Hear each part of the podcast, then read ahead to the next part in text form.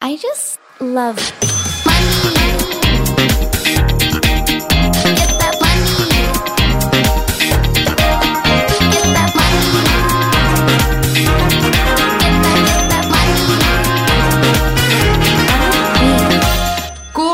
og velkommen tilbake til en ny episode av Karrierekvinne podcast. I dag skal vi snakke om noe som jeg brenner for og jobber med hver eneste dag, nemlig influensemarkedsføring. Og vi skal faktisk snakke med noen som jobber på den plattformen som står for en stor andel av min årlige inntekt. I dagens episode skal vi snakke med Heidi Hansen, som er en av agentene i Inspire Me. Altså en av de managerne som vi som profiler og bedrifter snakker med når vi lander et samarbeid på plattformen. Fun fact, Jeg arrangerte faktisk et eh, influencer-event med Equal Agency hvor eh, Inspire Me sto på scenen, og det var overraskende mange influensere i salen som trodde at disse navnene, som f.eks. Heidi, som popper opp på skjermen, var roboter, og det er dere altså ikke, for du er her, du Heidi. Velkommen! Hallo, jeg er her. Så hyggelig å ha deg her, og du er altså i live. Ingen robot. Er ingen robot, og det er veldig hyggelig å være her. Så koselig. Du, kan du ikke, altså For de som er helt nye i gamet, eller har eh, rett og slett ikke fått med seg noe av det største innen influensemarkedsføring i Norge, hva er Inspire Me? Ja, Um, så kort fortalt, uh, InspireMe er et seks år gammelt norsk uh, tech-selskap uh, som har bygd opp en plattform for å fasilitere samarbeid mellom ulike merkevarer og influensere, eller aktører eller profiler. Du vet, kjært barn har mange navn. vi i InspireMe vi har kontor i Norge, Sverige og England, som også er da de kjernemarkedene som vi fokuserer mest på akkurat nå. Ok, Så dere er rett og slett Altså at dere holdt til i England også, det visste jeg ikke. Men er det mange som, da, som vi på daglig basis snakker med, som også holder til i England, eller er det en annen del av Inspire Me? Eh, det er en annen del av uh, Inspire Me, så jeg tror ikke dere snakker så veldig mye med dem. Uh, men vi har også noen som er kampanjeansvarlig, som sitter og jobber fra Norge, men som har hovedansvar med kampanjene i England, men som også jobber på noen kampanjer i Norge. Ja, skjønner, for ofte når man snakker med noen av disse agentene, eller sånn som deg der inne, så skriver man jo på engelsk. Det er jo derfor jeg spør. Jeg vet jo at noen av dem har emigrert fra USA, blant annet. Alex. ja, du kjenner godt til Alex. Hun ja. har emigrert, eh, og det, det, er flere. Vi har, nå husker jeg ikke akkurat hvor mange nasjonaliteter det er, eh, men på et tidspunkt så tror jeg vi var over elleve ulike nasjonaliteter eh, i Inspire Me. Fantastisk. Mm. Altså, hva er bakgrunnshistorien til eh, Inspire Me? For den tror jeg kanskje kan overraske mange. Eh, ja eh, Bakgrunnshistorien. Med tanke på altså, Fordi vi har jo et par nordmenn som eh, har eh, ja, vært med i startgropa her rett og slett, og starta hele greia, er det ikke det? Det stemmer. Det er to nordmenn. Eh, det er Mats Lyngstad og Marie Mostad eh, som starta Inspire Me eh, back in the days. Da de fant ut at det var et hull i markedet som de hadde lyst til å fylle. Så da for de til USA for å finne investorer, og seks år senere så er vi her der vi er i dag. Det er helt rått. Det, er, det er sånn sykt inspirasjon både for influensere, men også for gründere. Å bygge det store som Inspire Me har blitt. Da. Så creds til eh, Mats og Marie der. Eh, jeg har jo fulgt reisen lenge. Jeg tror jeg var en av de første som lagde meg en konto på Inspire Me. faktisk. Jeg fikk mitt første samarbeid i begynnelsen av 2017. ja, ikke sant? Det begynner å bli noen år siden. Da kjenner du godt til oss, og du kjenner godt til plattformen og hvordan vi jobber. Gjør det, absolutt. Men eh, hvorfor skal man da ha en profil på Inspire Me som eh, influenser? Ja, um, For det første så blir man jo eksponert for ulike merkevarer, og man kan få tilbud om samarbeid. Uh, og som du vet, når man lager seg en profil uh, på InspireMe, så får man et mediekit uh, som man kan dele med kundene på det her midi-kittet så er det litt forskjellige ting. Eh, det er f.eks. henta inn innsikt fra de kanalene som du har kobla til. Eh, så det er first party data fra Instagram, eh, kanskje du har kobla til TikTok-profilen din nylig. Og da kan du bruke den innsikten når du skal f.eks. handle på pris. Eh, du kan også legge til din egen eh, portefølje. Eh, din automatiske portefølje av alle samarbeid som du har gjort på InspireMe, vil automatisk legges til, men du kan også legge til eksterne samarbeid. Så du kan på en måte bygge opp din egen lille CV, da, om du vil. Så du kan vise alle samarbeidene som du har hatt. Mm. Og for å komme inn på Inspire, er det fortsatt sånn at du må ha 1000 følgere? Akkurat nå så er det eh, et minimumskrav om at du må ha eh, minimum eh, 1000 følgere for å eh, bli godkjent som en eh, influenser på vår plattform som kan motta tilbud om samarbeid. Ikke sant? Og siden du sier akkurat nå, så sier jeg til lytteren hvis du ligger på rundt 1000, kjapp deg inn. I tilfelle de øker eller senker. Og åpen for tolkning. Åpen for tolkning.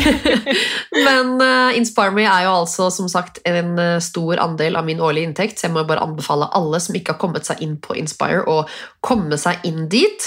Um, og der, er det jo, altså, der har jeg jo et spørsmål. Um, det er faktisk et lyttespørsmål, men jeg syns det passa veldig fint å flette det inn her nå. Ja. Bioen i profilen din, skal den være på norsk, eller må den være på engelsk, eller har det noe å si? Det har ingenting å si. Ok. Eh, alle som jobber på Inspire Me, er veldig gode på Google Translate, så det trenger man ikke å bekymre seg for. Eh, men om du vil ha mange norske samarbeid, eh, så gjerne ha den på norsk hvis det passer deg og din profil. Hvis du skriver på engelsk på, på Instagram, skriv det på engelsk. Gjør det heller, tenk heller hva er det som passer meg, hva er det som passer min profil best, Mm. eh, og ta det derfra. Og, og når det kommer til innholdet i bioen, eh, så er det egentlig litt det samme. Eh, hvem er du? Hva er du interessert i? Hvordan type samarbeid er det du har lyst på?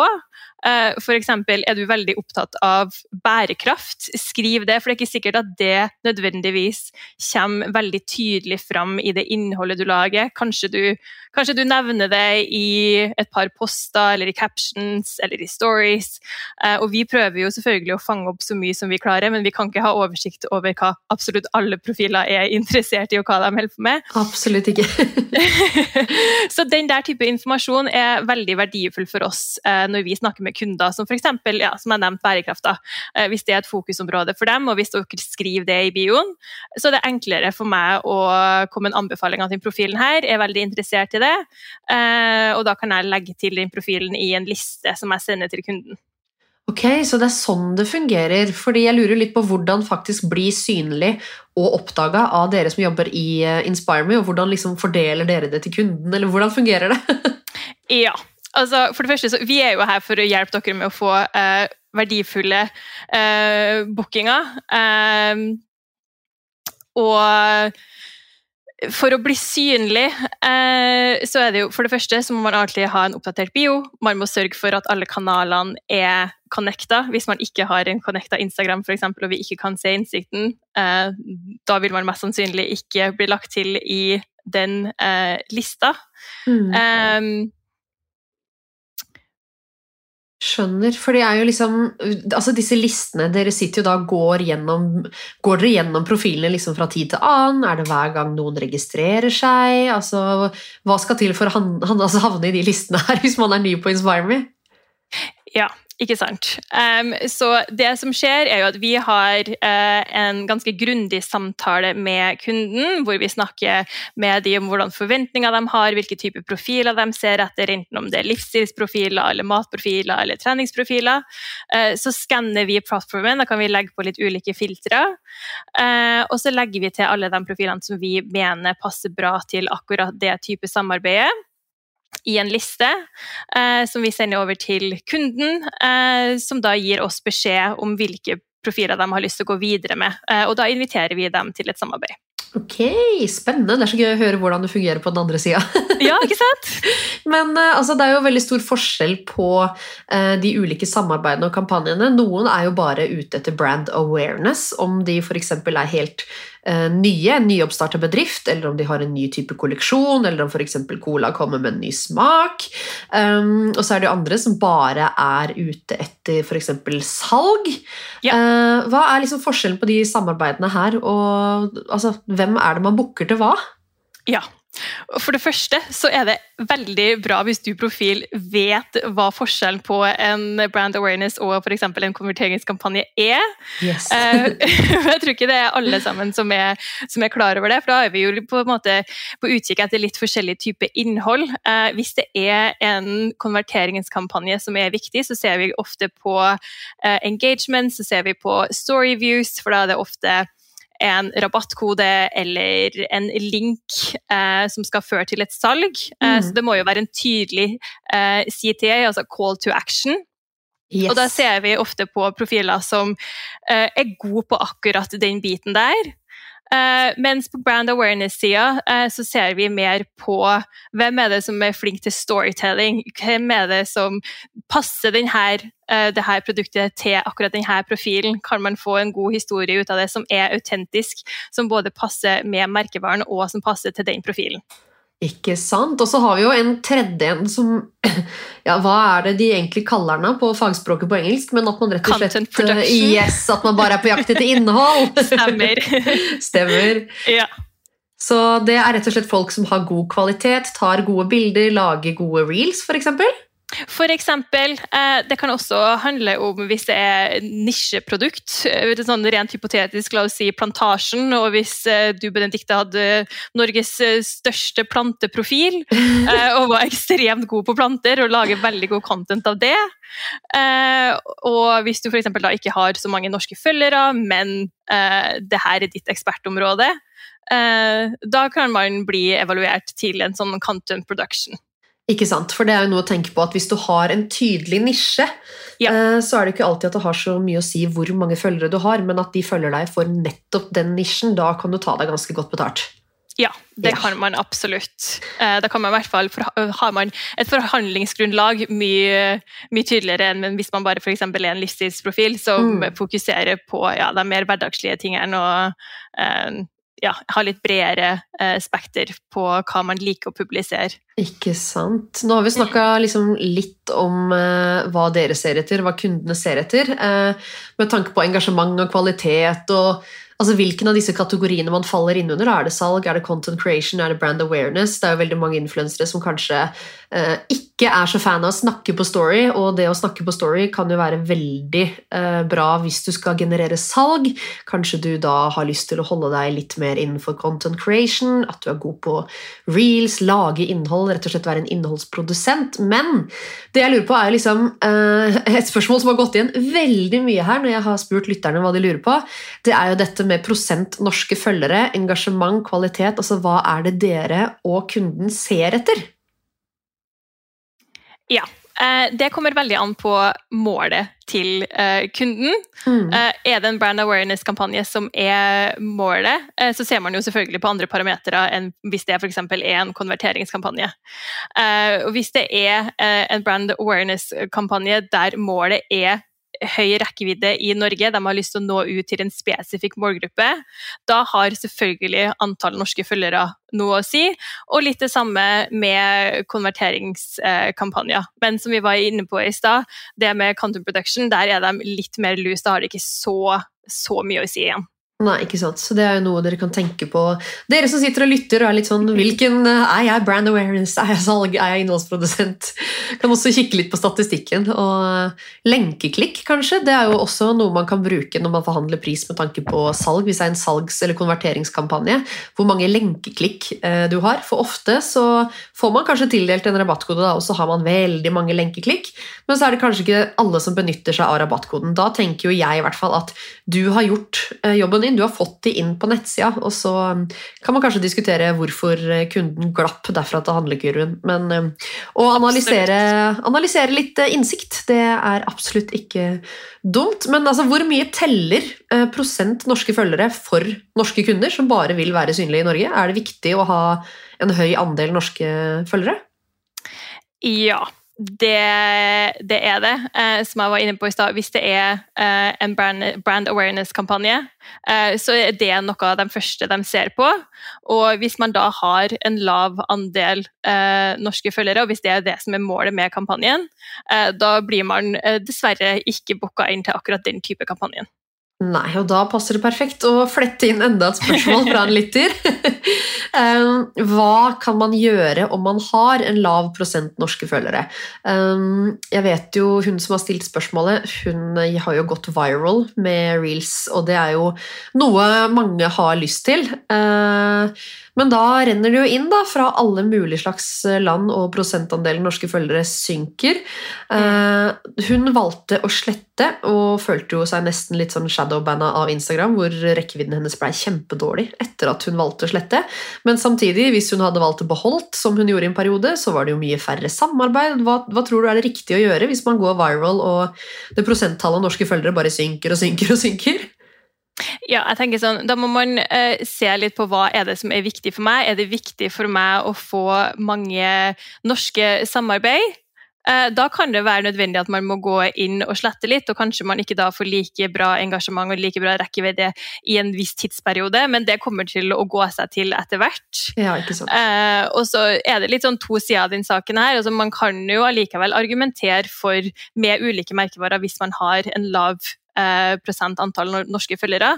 Argumenter for hvorfor den type merkevaren bør jobbe med det. Kanskje du har samme verdigrunnlag som dem, kanskje du lager kjempebra innhold, eh, du har brukt produktet i så og så mange år. eh, Så det er jo argumenter man kan bruke eh, for at den merkevaren skal booke deg inn igjen og igjen. Um, og hvis man også, på den andre siden, hvis man har lyst til å øke antall norske følgere, uh, så jo, kan man gjøre sånne småting som å bruke norske geotags, uh, interagere med andre norske profiler, gjøre seg mer eksponert i, i det norske markedet. Kanskje det er en profil du ser opp til som du vet har mange norske følgere, som gjør det på en viss måte. Kanskje man kan eh, ikke kopiere, men eh, ta litt eh, inspirasjon derfra og eh, gjøre litt de samme type tingene som de gjør. Ja, fordi det er jo en ting jeg ser, at veldig mange av de som går viral, da, som går plutselig fra 8000 følgere til eh, 250 000 over natta omtrent, fordi de har liksom en serie med mm, videoer som plutselig har blitt kjempepopulære. Plutselig så står liksom eh, bio på engelsk og captions på engelsk, og da har man jo kanskje tatt et valg da, om at man ikke er så opptatt av at det er norske følgere. Eh, men eh, det er, det er veldig trygt å høre at hvis man sletter og man føler at det stopper opp litt med tanke på engasjement og rekkevidde, at det kun er for en periode. Så da får vi satse på at den som har sendt inn det spørsmålet her, ikke angrer. Det er jo en stund siden jeg vet at hun eh, slettet. Men det er jo ingen tvil om at det er mindre konkurranse i Norge enn hvis man skal ha en internasjonal profil og konkurrere med hele verden når det kommer til internasjonale altså, brands. da. Absolutt. Det er veldig sant. Så øh, ja, nei øh, Jeg har skjønt det. Jeg ser jo det på de bookingene dere sender ut også, at det står jo gjerne øh, over 70% øh, øh, norske følgere. Over 80% norske følgere. Eh, så jeg ser jo at det er jo noe som betyr mer og mer for de kampanjene dere sender ut også nå. Ja, det stemmer. Eh, Det er helt riktig. Eh, Men igjen så er det også litt sånn Hvis man er en veldig stor profil eh, og har 100 000 følgere, men 50% er i Norge, så når man jo fremdeles ut til 50 000. Yes.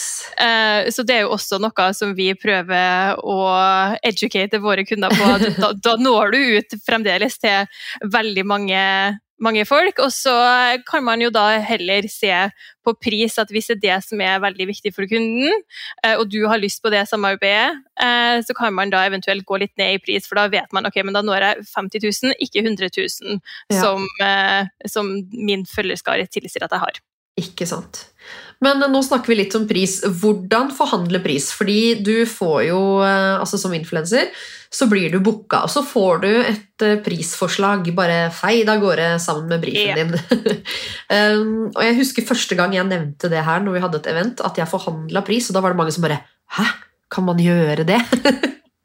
Ja, og det skal man gjøre. Man skal forhandle på pris hvis man er uenig i den prisen som er satt. Eh, altså, jeg kan jo snakke for oss som sitter på full service-sida. Eh, da styrer jo vi kampanjene på vegne av kundene. Eh, vi baserer pris på historikk eh, og data, og det er jo da basert på objektiv data som er henta fra Instagram, så at vi kan se på ok, hvordan eh, kommer denne profilen til å prestere i forhold til benchmark som er satt, f.eks. Mm. Eh, men hvis man, som vi var også inne på i stad, er en nisjeprofil og kan argumentere for det, fortell oss det. Fortell oss hvorfor du mener at for akkurat det samarbeidet her så fortjener jeg litt mer. Eh, kanskje du er aktuell med en bok, du forventer at du skal få flere følgere.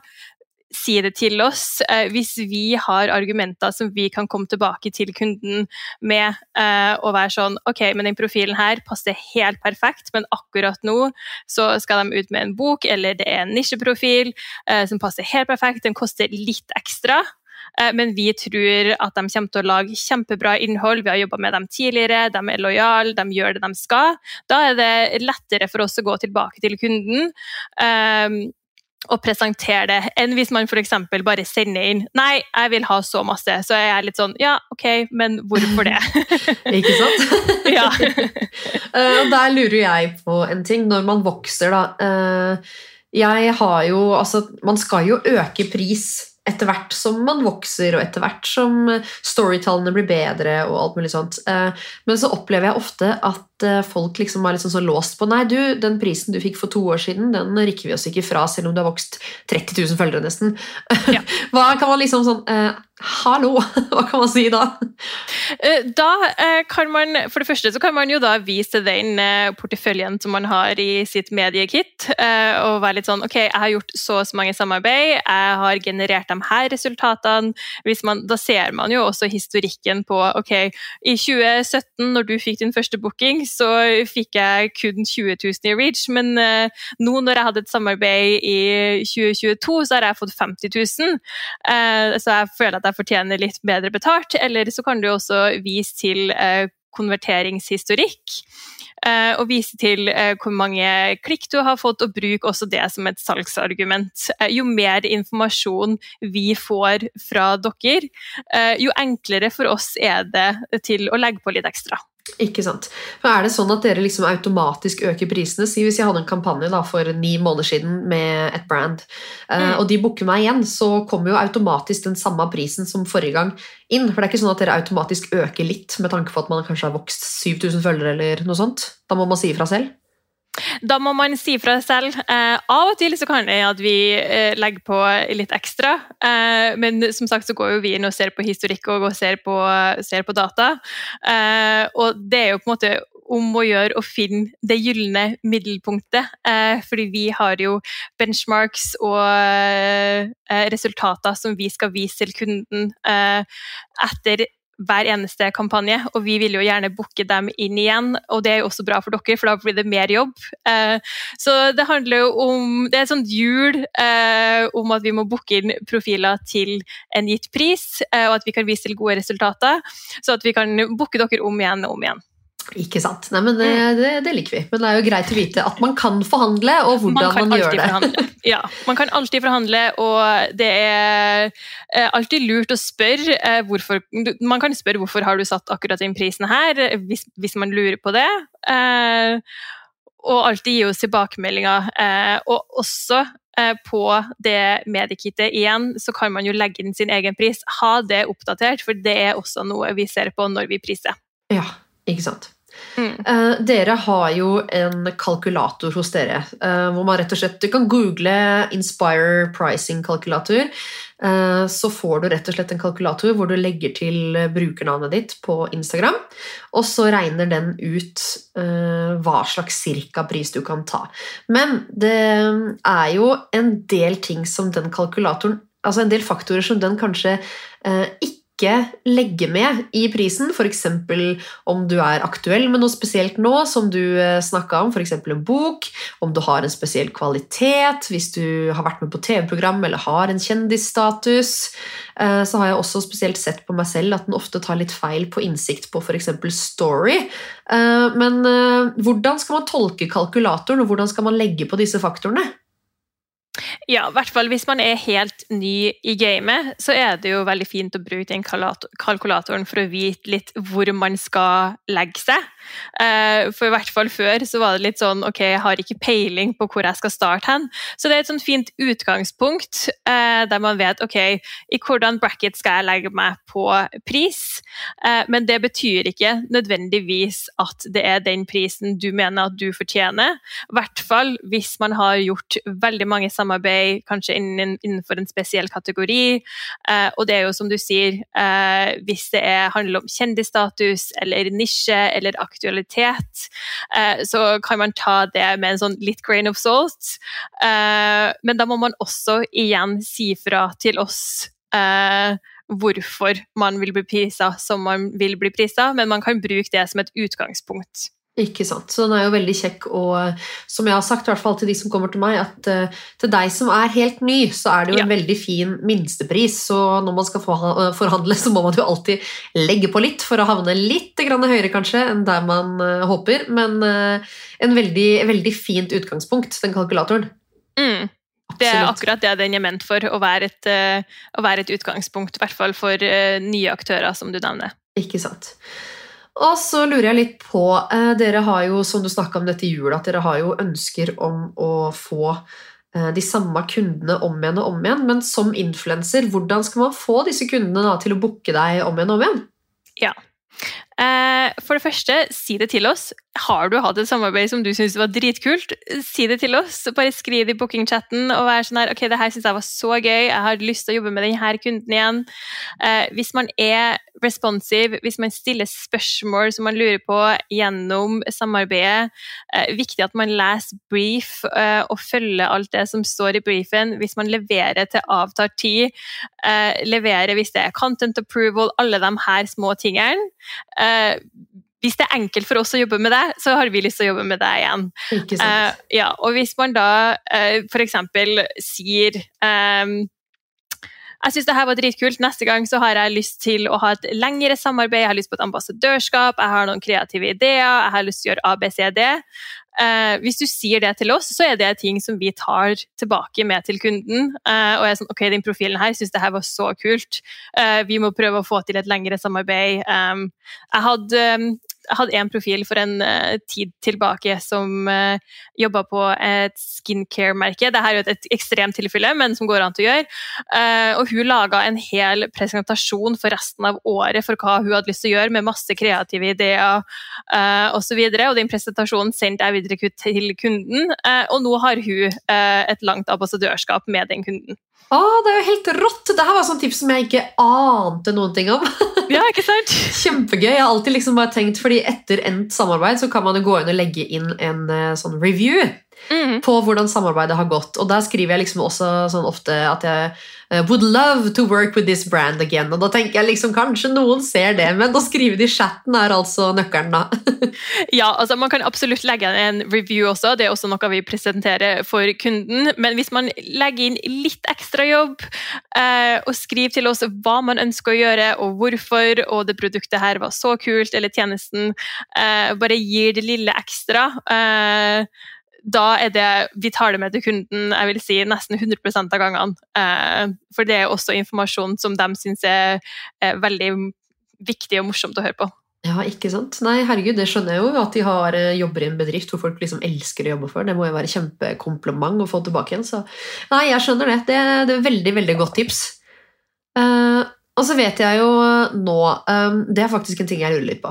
Hvis man har et samarbeid med noen som skal ha utkast på, eh, på stories og på feed, og gjerne utkast på en reminder Um, Det er jo noe fall som jeg syns tar veldig mye ekstra tid. Er det noe man kan legge på en liten sum på, f.eks.?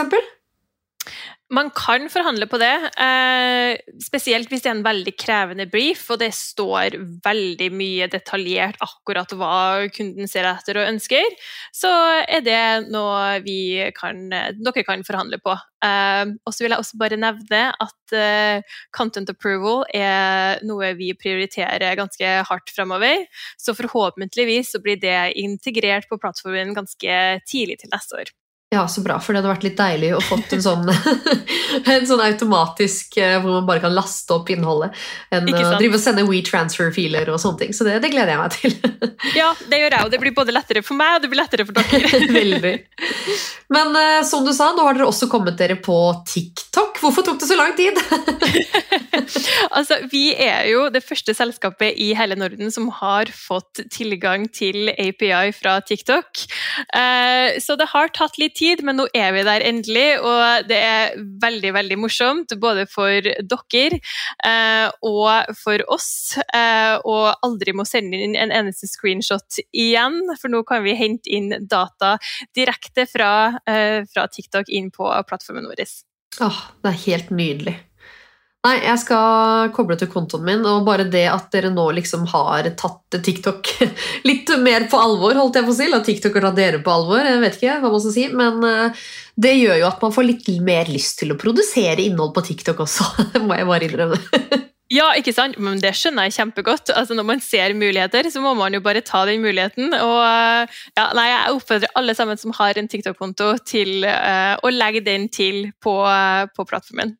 Eh, Apropos det, så lurer jeg på én ting til. Altså, dere har jo muligheten til å legge inn Snapchat, Instagram, TikTok, men også podcast. Mm. Men gjør dere egentlig noe samarbeid med podcast? Vi har gjort veldig lite samarbeid eh, med podkast. Eh, jeg vet at det har blitt gjort litt grann tidligere, eh, men det er ikke vårt eh, hovedfokus akkurat nå.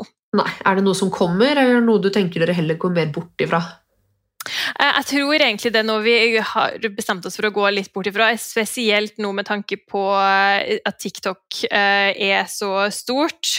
Så det vil være helst være mer fokus på TikTok, Instagram, YouTube og Snapchat fremover. Ja, YouTube, ja, selvfølgelig. Folk ser fortsatt på det.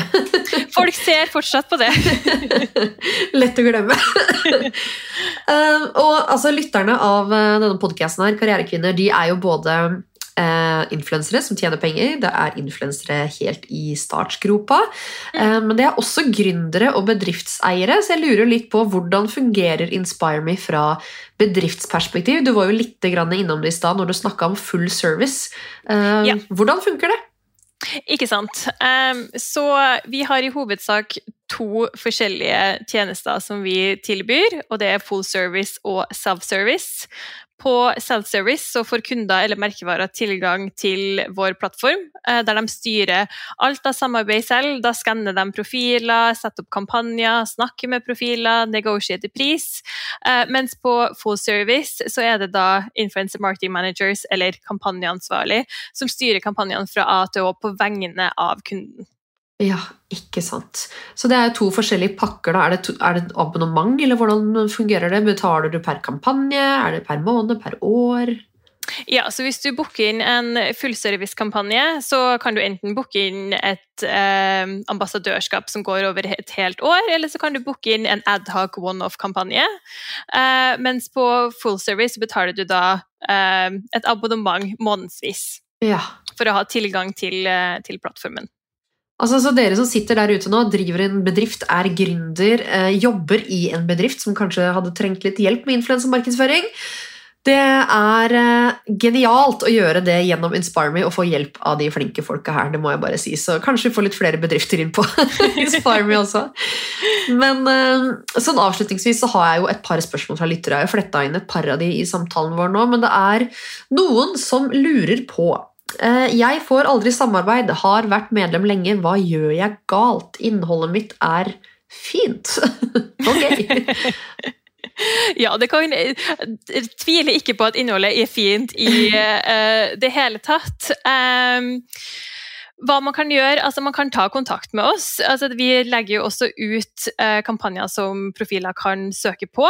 Eh, søk på de kampanjene som du mener passer bra til deg og din profil. Og hvis ikke du får en booking akkurat der og da, eh, så kan du spørre eh, ok, hvorfor, eller er det noen andre kampanjer? Vi sitter jo på kontoret og snakker oss imellom hele tida, spesielt hvis vi har en ny kunde som vi ikke har jobba med før, eh, og er litt sånn ok. Eh, vi ser etter profiler i denne kategorien. Er det noen som har meldt interesse? Så hvis du Benedikte, har hatt én kampanje eh, og ikke får noen flere bookinger, så skriv gjerne i den bookingchatten at ja, men jeg er også interessert i denne og denne og denne kategorien. Eh, og da tar vi det opp oss imellom, og så kan det at vi tar kontakt av en senere anledning. Ikke sant, skjønner. Eh, og som du sier, så har jo dere noen kampanjer ute nå som man kan søke på. Eh, det er jo et av de andre spørsmålene. Hvorfor er det plutselig så mange gratis og sponsede samarbeid på Inspire nå? Ikke sant. Eh, det kommer fra self-service-siden. Eh, vi i Full Service vi får jo allokert et budsjett fra eh, kunden som vi skal bruke på å booke inn profiler. Mens på self-service-siden så sitter de jo og styrer med budsjett selv, og da kan de booke inn hvem de har lyst til sjøl. og da ser de jo ofte det at de har brukt seeding, som det heter, eller kun product only. Eh, og at det fungerer for dem, og at de ikke trenger å betale profiler, selv om vi alltid anbefaler å betale profiler uansett. Eh, men hvis, selvfølgelig, hvis de ser at det funker, og hvis de ser at det er profiler som takker ja til det samarbeidet, så vil de fortsette med det. Så, men jeg mener at hvis man er en profil og får et sånt tilbud eh, og man ikke er enig, så si fra til dem. Man er nødt til å stå opp litt for seg sjøl eh, og si fra om at nei, jeg tar kun betalt til samarbeid. Um, ja. Ja, det er det jeg pleier å gjøre. Bare sånn, Dette er fulltidsjobben min. Uh, Ja. Skjerp dere. Helt enig. Fordi man skal ta betalt for jobben man gjør. Eh, Det kan jeg ikke få sagt nok ganger. Fordi du legger faktisk eh, tid ned i det her. Det er innhold som de mest sannsynligvis får rettigheter til å bruke videre. Um, Og selv om du kanskje er liten og ikke genererer så mange salg, så er det brand awareness for de følgerne du faktisk har. Eh, Og så er det jo det, da, som vi snakka om litt off record før vi gikk inn her, at jo flere som sier ja til gratis samarbeid, eh, jo flere bedrifter blir det jo da veldig enkelt for da, å bare legge ut liksom, ah, her du får en sponsa tights hvis du gjør ditt og datt. Og Ja, hvis alle takker ja til det, så blir det sånn ukultur i bransjen. Vi nevnte jo litt eh, våre svenske naboer som har litt sånn milliardfirmaer her og der, som er veldig gode på å sende ut spons i hytt og pine, og folk jobber og lager innhold og reels og stories og deler ut rabattkoder, men får ikke en krone betalt. Nei, Ah. det er akkurat det. Og vi vet jo hvor mye jobb som ligger bak i det. Det er jo forarbeid, og man leser brief, og man setter seg inn i det. Hva er det kunden ønsker, hva er målene med kampanjen? Kanskje man må ut og kjøpe produktet, man venter på bestilling. eh, man er planlegger hvilken dag man skal skyte, og så skyter man, og så redigerer man. Så, det er mye arbeid som man legger i det, og det vet jo jeg og du veldig godt, men Mm. så er det kanskje kunder da, som sitter på den uh, self-service-delen som ikke har jobba like mye med influensere før, og som vet hvor mye arbeid dere faktisk legger i det. Uh, og da er de nødt til å bli bevisstgjort på det. Yes, Så det er lov å si nei og skjerp deg. Absolutt. Så det, jeg tenker vi kan avslutte med det. Bare at folk skal stå opp for seg selv. Hvis du skal tjene penger, så må du tørre å si nei. Eh, For det er jo også litt sånn skummelt når man begynner liksom å Jeg har jo noen som jeg har coacha litt nå, som har 6000-7000 følgere og får veldig mange forespørsler om samarbeid. Har veldig lyst til å takke ja til gratis tightser og gratis alt mulig rart. Men bare det å tørre å si nei, selv om den personen ikke rikker seg, så kan det hende at om tre måneder så kommer de tilbake og bare Ok, da. Absolutt. Absolutt. Man er nødt til å stå opp for seg sjøl og vite hva man sjøl er verdt, og ikke, ikke jobbe gratis. Eh, og hvis man får en forespørsel eh, fra eh, full service, så kommer vi i hvert fall til å, å betale. Ja. Ja. Nei, men Det er godt å høre. Tusen takk, Heidi, for at du kom og ga oss eh, masse nyttig informasjon om InspireMe og influensemarkedsføring. Det var veldig nyttig. Jeg har lært mye selv også, så det er kjempegøy. Så bra. Tusen takk for at jeg fikk komme. Så eh, er det bare for dere som har over 1000 følgere på Instagram, å gå inn på inspire med z.me og registrere en konto, koble til kanaler og sette i gang med forhåpentligvis betalte kampanjer. Ja. Og så er vi også på Instagram og TikTok hvis man har lyst på litt ekstra informasjon om hva som skjer på f.eks. Instagram, eller hva som skjer med TikTok, eller hva som skjer med InspireMe generelt. Så kan man gå og følge oss på Instagram og TikTok også. Gjør det. Nei, men vet du hva? Supert. Takk for at du kom, og til dere som lytter, husk å følge Equal Agency.no, Karrierekvinner og Benedicte Haugård.no på Instagram, så snakkes vi neste uke. Ha det, Heidi! Ha det! Ha det! I just love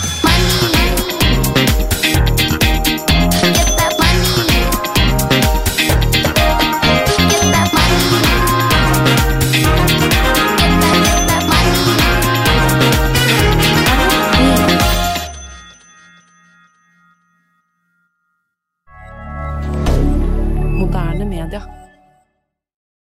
Har du et enkeltpersonforetak eller en liten bedrift? Da er du sikkert lei av å høre meg snakke om hvor enkelt det er med kvitteringer og bilag i fiken, så vi eh, gir oss her, vi. Fordi vi liker enkelt. Fiken superenkelt regnskap.